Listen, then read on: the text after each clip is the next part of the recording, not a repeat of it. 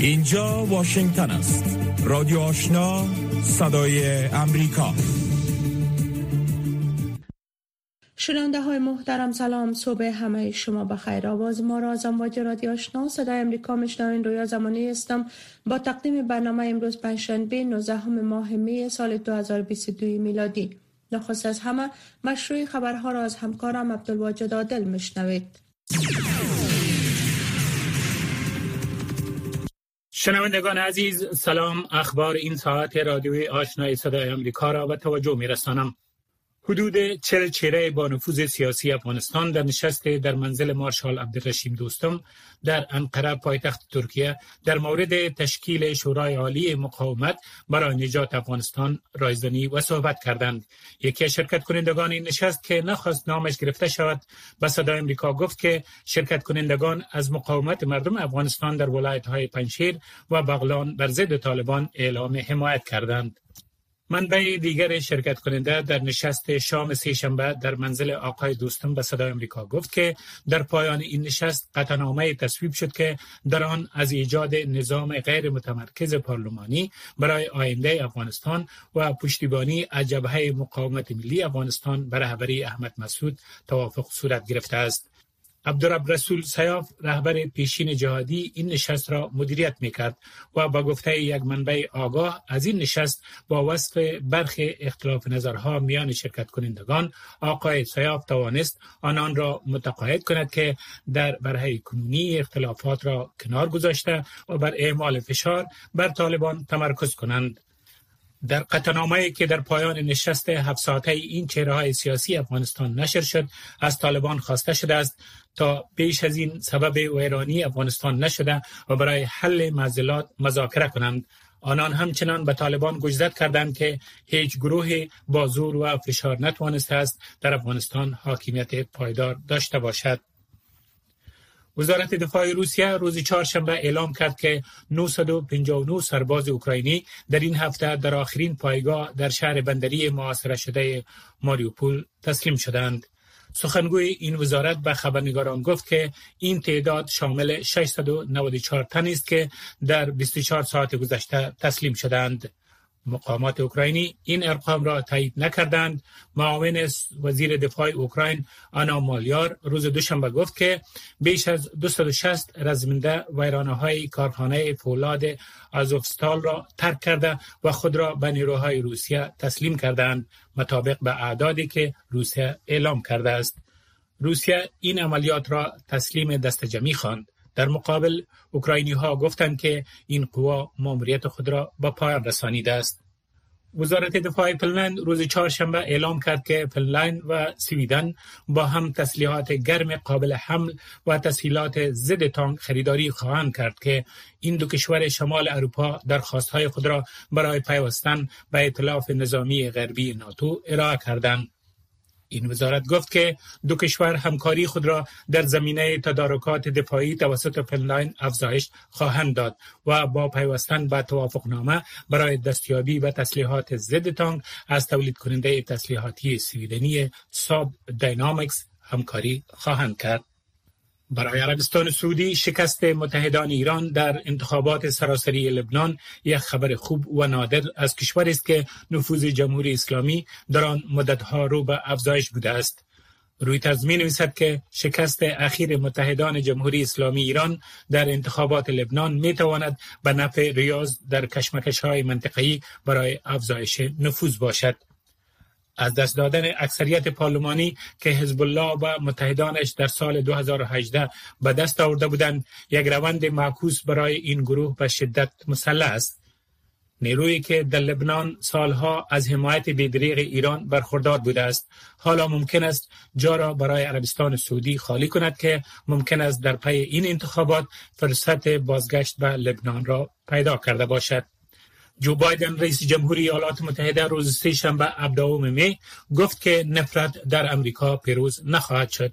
آقای بایدن که روز سه شنبه به خاطر ابراز تسلیت با خانواده های قربانیان یا گلوله‌باری دستجمعی به شهر بفلوی ایالت نیویورک رفته بود خطاب به خانواده های قربانیان مقام های محلی و عمله نجات گفت که روایت برتری سفید پوستان در امریکا حرف آخر را نخواهد زد در حمله روز شنبه مهاجم 18 ساله سفید پوست که لباس نظامی و واسکت زری پوشیده بود در داخل یک مغازه بزرگ بر مردم گلوله باری کرد که در اثر آن دست کم ده یا پوست کشته شدند فدراسیون فوتبال ایالات متحده روز چهارشنبه 18 می توافق تاریخی را اعلام کرد که بر اساس آن به فوتبالران زن و مرد در این کشور حقوق و دستمزد برابر پرداخته می شود.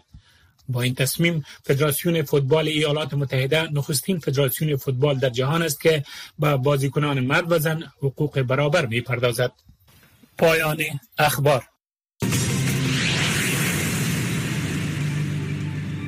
شنونده های محترم شما مشروع خبرها را شنیدید و حالا می پردازیم به گزارش های برگزیده این بخش برنامه در نخستین گزارش. در ولایت غزنی به کمک مالی دفتر یونیسف از طرف مؤسسه ادا به تعداد 133 اراده موتورسایکل به کارکنان صحی واکسین ضد پولیوی ریاست صحت عامه ولایت غزنی دیروز تسلیم داده شد که که از آنها برای رساندن به موقع واکسین به تمام ساحات دورافتاده این ولایت استفاده خواهد شد.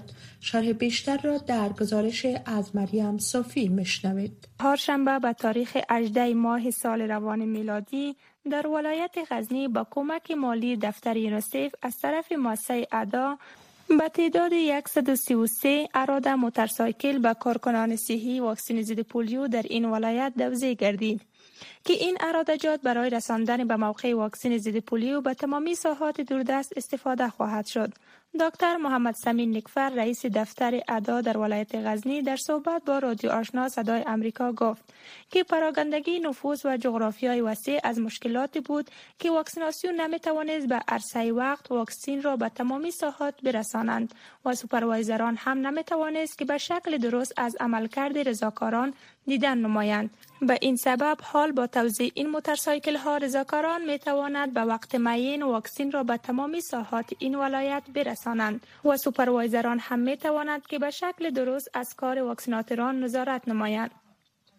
خوشبختانه امروز ما در محفل توزیع موتورسایکل ها برای سوپروایزرهای صحی جامعه و همچنان برای بخش واکسیناسیون به تعداد 133 اراده را ما تهیه کردیم به کمک مالی یونیسف است چرا که یک از چالش های عمده بخش صحت در ولایت غزنی عبارت از پراگندگی نفوذ و همچنان جغرافی بسیار وسیع بود که یک چالش بود به خاطر خدمات واکسیناسیون یا مافیت کتلوی که ما نمی‌تونستیم به اسرع وقت و یا به صورت درست واکسین و خدمات واکسین به قرا و قصبات به مادر اطفال و واجدین شرایط برسانه در این حال دکتر باز محمد همت رئیس شفخانه ملکی ولایت غزنی که در محفل توزیع این عراده‌جات با کارکنان صحی حضور داشت اظهار خورسندی کرد و به رادیو آشنا صدای امریکا گفت.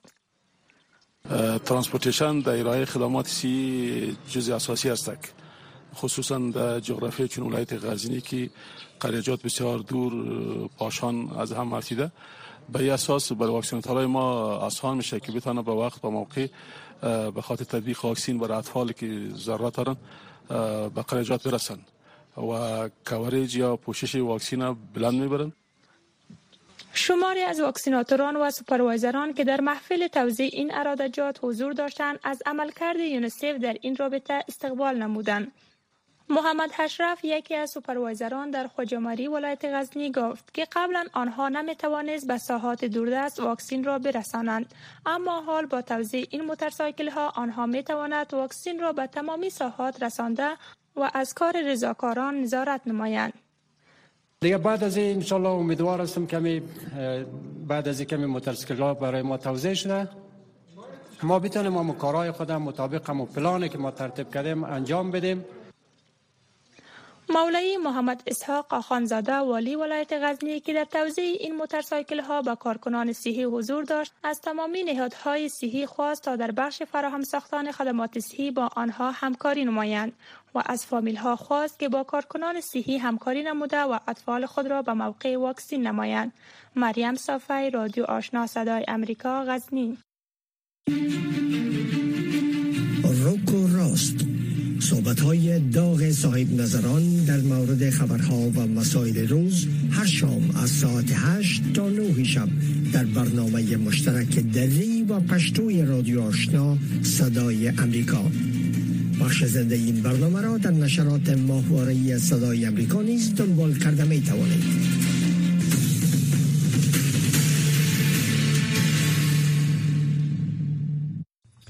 شنونده های محترم یانس استالتنبرگ منشور مومیناتو گفته است که فنلند و سویدن رسما برای کسب عضویت این پیمان درخواست دادند. این دو کشور با این اقدام به حالت بیطرفی خود که از زمان داشتن پایان می دهند این اقدام در حال صورت گرفته است که نگرانی ها به خاطر جنگ روسیه در اوکراین اوج گرفته است.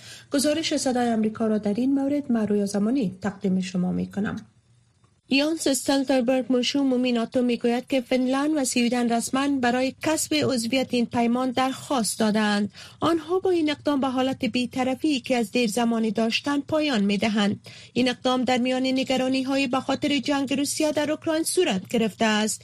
استلتربرگ پس از دریافت درخواست نامه های سویدن و فنلند امروز چهارشنبه در نشست در بروکسل گفت که از تقاضای دو کشور برای پیوستن به ناتو با گرمی استقبال کرده و آن را یک لحظه تاریخی توصیف می کند.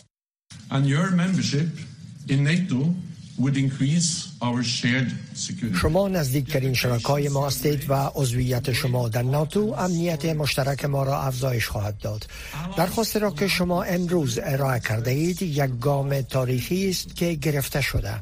همه متحدان همکنون روی گام های بعدی به سوی ناتو فکر می کنند منافع امنیتی همه متحدان باید در نظر گرفته شود و ما مصمم هستیم که در مورد تمام مسائل کار کنیم و به نتیجه سریع برسیم. آقای استلتربرگ افزود که سفیران دو کشور امروز چهارشنبه رسما درخواست کسب عضویت ناتو را دادند این تلاش سویدن و فدلند مخالفانش را هم دارد. رجب طیب اردوغان رئیس جمهور ترکیه یکی از کشورهای عضو ناتو. درباره درخواست فنلند و سویدن برای پیوستن به ناتو ملاحظه های دارد. اردوغان در 16 ماه می گفت که با پیوستن دو کشوری که بر اساس ادعای او از سازمان های تروریستی حمایت می کنند توافق نمی کند اشاره اردوغان به حزب منع شده کارگران کردستان و های مدافع مردمی ملیشه کرد در سوریه بوده است. پروسه شمولیت ناتو معمولا 8 تا 12 ماه را در بر می‌گیرد. اما ناتو با توجه به نزدیک بودن سویدن و فنلند به روسیه از لحاظ موقعیت و تهاجم روسیه بر اوکراین می‌خواهد که این پروسه را سرعت ببخشد. پارلمان فنلند پیش از اعلام استلتنبرگ برای 188 در مقابل 8 برای عضویت به ناتو رای قاطع داد. تته توپرنن وزیر خارجه فنلند گفت It's clear that everything has changed since Russia started the war in Ukraine, and we have to do our own decisions now according to our own national interest. واضح است که بعد از حمله روسیه بر اوکراین همه چیز تغییر کرده است. ما حالا باید بر اساس منافع ملی خود تصمیم بگیریم که کدام راه برای امنیت فنلند بهتر است. ما بخشی از غرب هستیم. When it comes to Finland and Sweden, uh, as we said before, both are valued partners of NATO. They're valued partners. نت پرایس سخنگوی وزارت خارجه ایالات متحده به خبرنگاران در واشنگتن گفت با وصف مخالفت رئیس جمهور اردوغان ایالات متحده مطمئن است که در ناتو اجماع قوی در پیوند به عضویت سویدن و فنلند وجود دارد.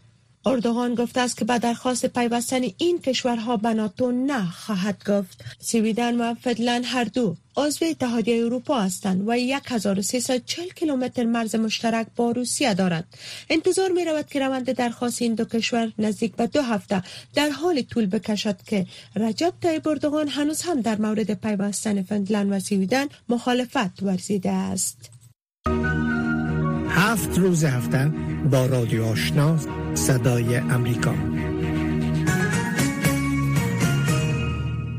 در ادامه گزارش ها عبدالتواب بوستانی اسکاتلندی افغان تباری است که برای نخستین بار به عنوان یک مهاجر در شورای شهر گلاسگو اسکاتلند انتخاب شده است. آقای بوستانی در صحبتی که با قدیر مشرف داشت گفت که 20 سال است که در این کشور زندگی می کند که پس از دریافت ماستری در علوم اجتماعی به کارهای خیریه به ویژه در بخش ارتقای توانمندی زنان و دختران در داخل افغانستان پرداخته است. توجه شما را به این مصاحبه جلب می کنیم چی فعالیت های را شما در این عرصه داشتن بر افغانستان؟ مخصوصا مخصوصا پس از سقوط نظام جمهوریت در کشور. قبل از سقوط هم ما فعالیت هایی داشتیم که مثلا کورس های زمستانی به دختر خانمایی که فارغ صنف دوازده بودن آمادگی به کانکور می‌گرفتن در نقاطی مثلا دوردست افغانستان که هم اونا به فراموش سپرده شده بودن این صنف های زمستانی را داشتیم. به مدت سه ماه زمستان اینا آمادگی به خاطر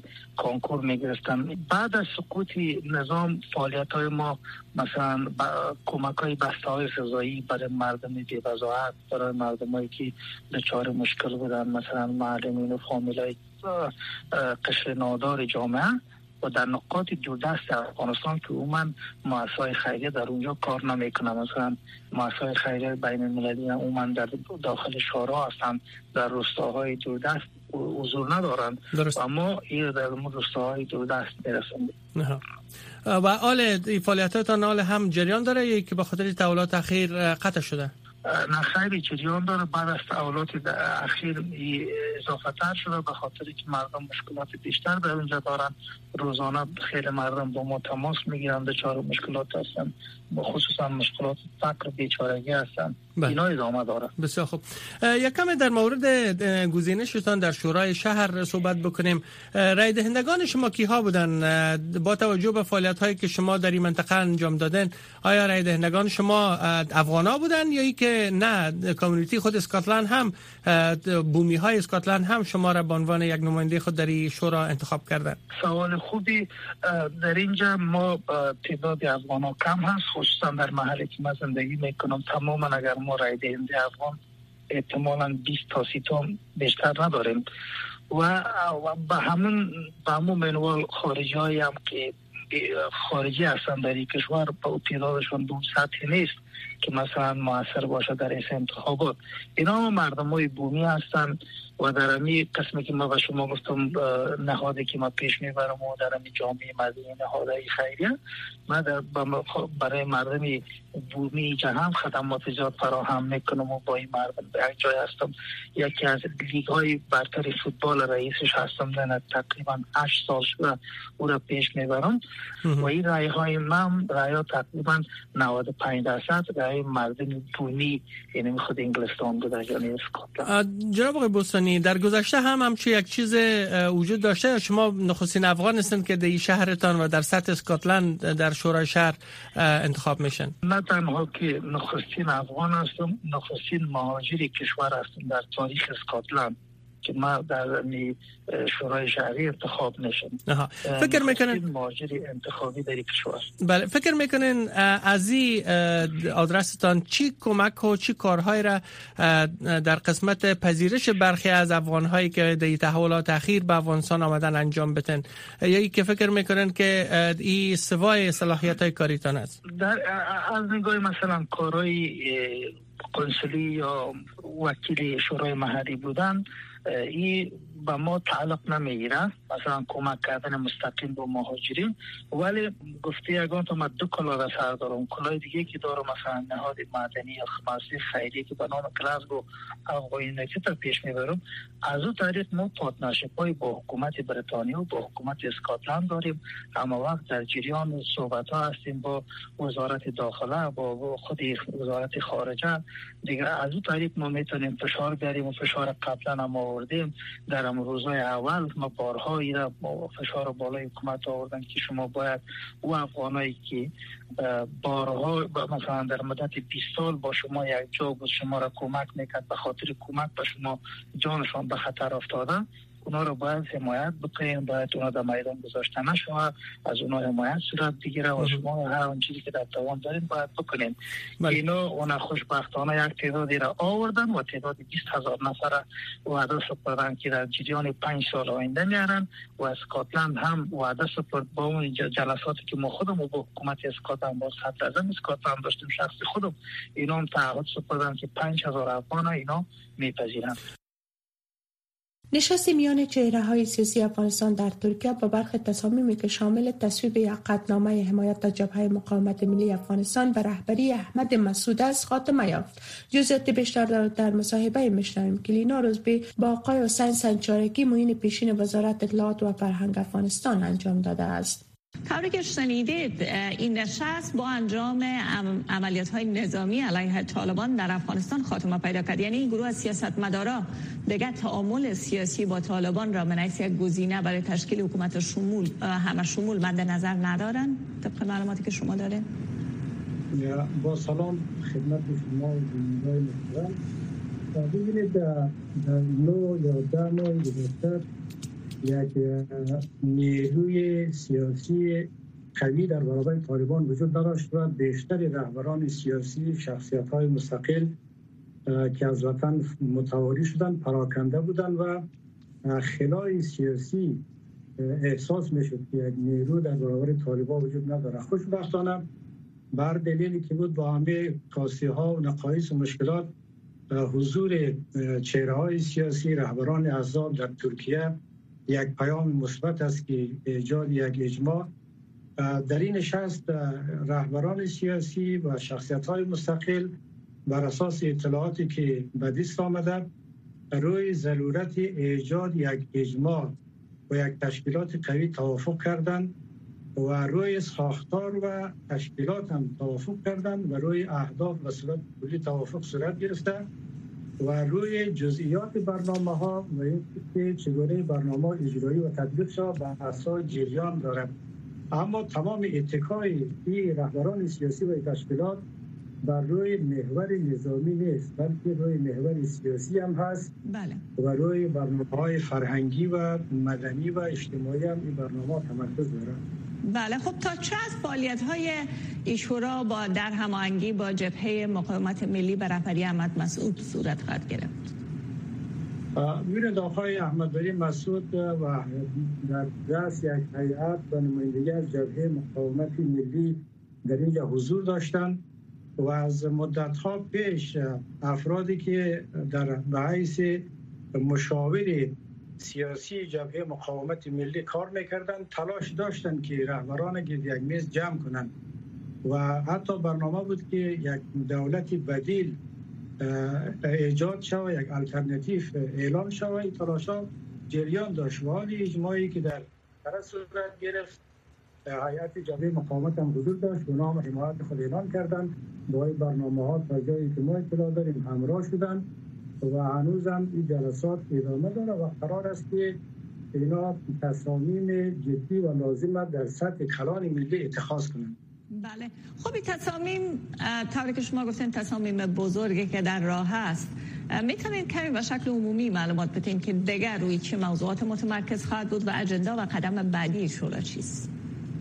خب ببینید اولا تو ایجاد خود ساختار تشکیلات و اینکه یک شورای عالی رهبری جور شود و یک شورای عالی جور شود یک شورای رهبری جور شود کمیته گردانه شود.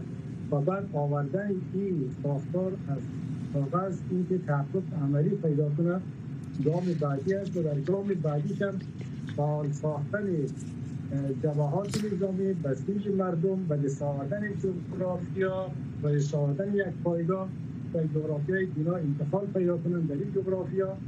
و همچنین رایزنی در سطح منطقه و دنیا که جلوگیری از شناسایی طالب ها محکومیت جنایات طالب و مسائل مختلف دیگه که در قدم های بعدی اینا بحث می‌کنن و جزیات برنامه البته در بحث هایی که امشب جریان داره شاید بیشتر ای اولویت ها و جزیاتش روشن شد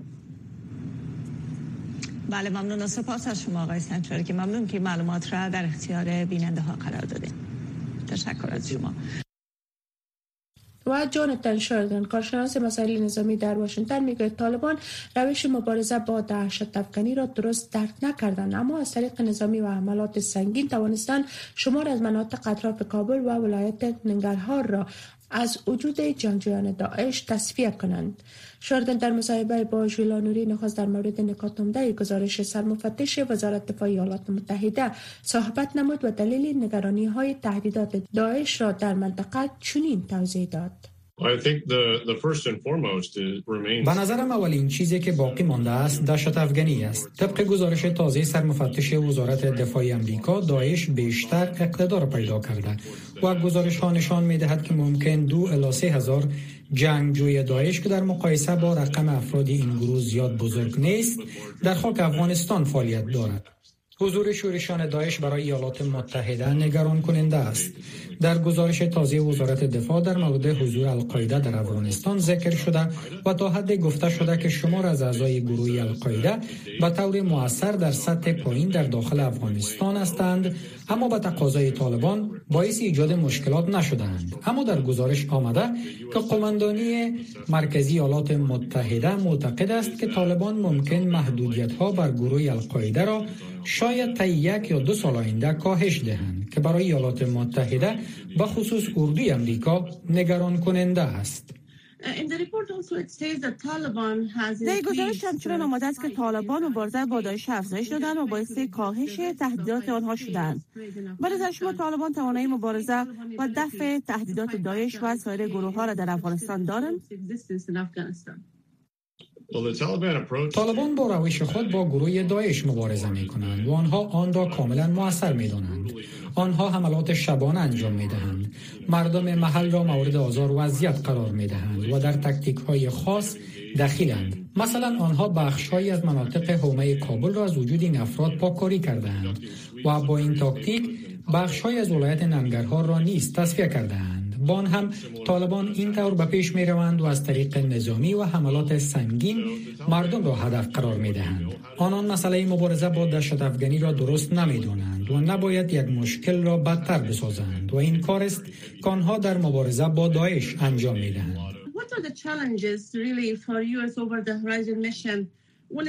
به نظر شما ایالات متحده در ماموریت مبارزه محوری علیه دشت افغانی در افغانستان و منطقه با چی مشکلات رو برست؟ در گزارش وزارت دفاع چندین مسئله برجسته ساخته شده است. یکی از مشکلات عدم نداشتن پایگاه نظامی در نزدیک افغانستان است. اما در کشورهای همسایه نیز حضور ندارند. به همین دلیل جمعآوری معلومات استخباراتی و اینکه کدام گروه های دهشت افغان در داخل افغانستان فعالیت دارند دشوار شده است و این ماموریت متکی بر جمعآوری معلومات از سطح هوایی یا توسط درون ها است که باید از پایگاه های دور از شرق میانه به مناطق فرستاده می شوند که طبق گزارش ها این پروازها مسافه بین شرق میانه و افغانستان را در ظرف سی ساعت طی می کند اما قبلا از پاکستان الی ساحه فضایی افغانستان 20 ساعت را در بر می گرفت به همین خاطر مسافت زیاد است و وقت زیاد را برای جمعآوری معلومات می گیرد این یکی از مشکلات عمده فراسوی ماموریت مبارزه محوری علیه دشت افغانی در منطقه به شمار می رود و سوی دیگر حمله بر پناهگاه های دشت افغانان در داخل افغانستان از نظر سیاسی نیز مناسب دیده نمی شود روابط طالبان پاکستانی را با طالبان افغان چطور ارزیابی می‌کنید؟ اخیرا طالبان افغان میزبان مذاکرات میان تی تی پی و حکومت پاکستان بودند. به نظر شما پاکستان چطور می‌تواند که از این نفوذ به نفع خود استفاده کند یا اینکه ایالات متحده ممکن بخواهد که از این طریق بر طالبان افغان نفوذ پیدا کنند؟ طالبان پاکستانی پیروزی طالبان افغان را یک الگو می دانند و از آن تمجید می کنند و تا حد معتقد هستند که مانند آنها عمل کنند. این نوع پیروزی در داخل پاکستان اگر شرایط درست باشد ممکن نیز به نظر می رسد واضحا که حکومت پاکستان نمی خواهد که به همچو وضعیت روبرو شود.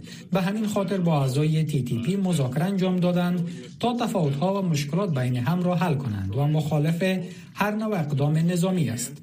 طالبان این فرصت مذاکرات بین تی و حکومت پاکستان را فراهم ساخته است و این بار اول نبود. در اوایل امسال نیز به میزبانی طالبان افغان آتش بس ایجاد شد و تا حد از خصومت ها جلوگیری شد. اما این بار جالب است به خاطر که در مذاکرات اخیر زیاد پیشرفت صورت نگرفته است. طبق گزارش جدید سیگار دلیل سقوط حکومت افغانستان و قوای امنیتی افغان خروج نیروهای آمریکایی می‌دانند. به نظر شما چی اشتباهی صورت گرفت؟ و چرا قوای افغان با همه تعلیمات نظامی و تجهیزات نتونستند که کشور از سقوط نجات دهند. گزارش سرمفتش ویژه امریکا برای بازسازی افغانستان بیشتر ساختار توافقنامه ایالات متحده و طالبان را متهم ساخته که در زمان حکومت ترامپ به امضا رسید و شمار از مسائل دیگر که در توافقنامه ذکر شده بود ذکر شده است که طبق آن قوای افغان باید در موقف دفاعی قرار بگیرد و اجازه انجام حملات تهاجمی علیه طالبان را نداشته شنونده های محترم. این بود داشته های برنامه های صبحگاهی رادیو آشنا صدای امریکا که تقدیم شما شد. برنامه های رادیو آزادی چند لحظه بعد آغاز می شود. تا هفته شام که ما دوباره در خدمت شما قرار می گیریم روز خوش را در پیش داشته باشین. الان نگهدار همه ایتان.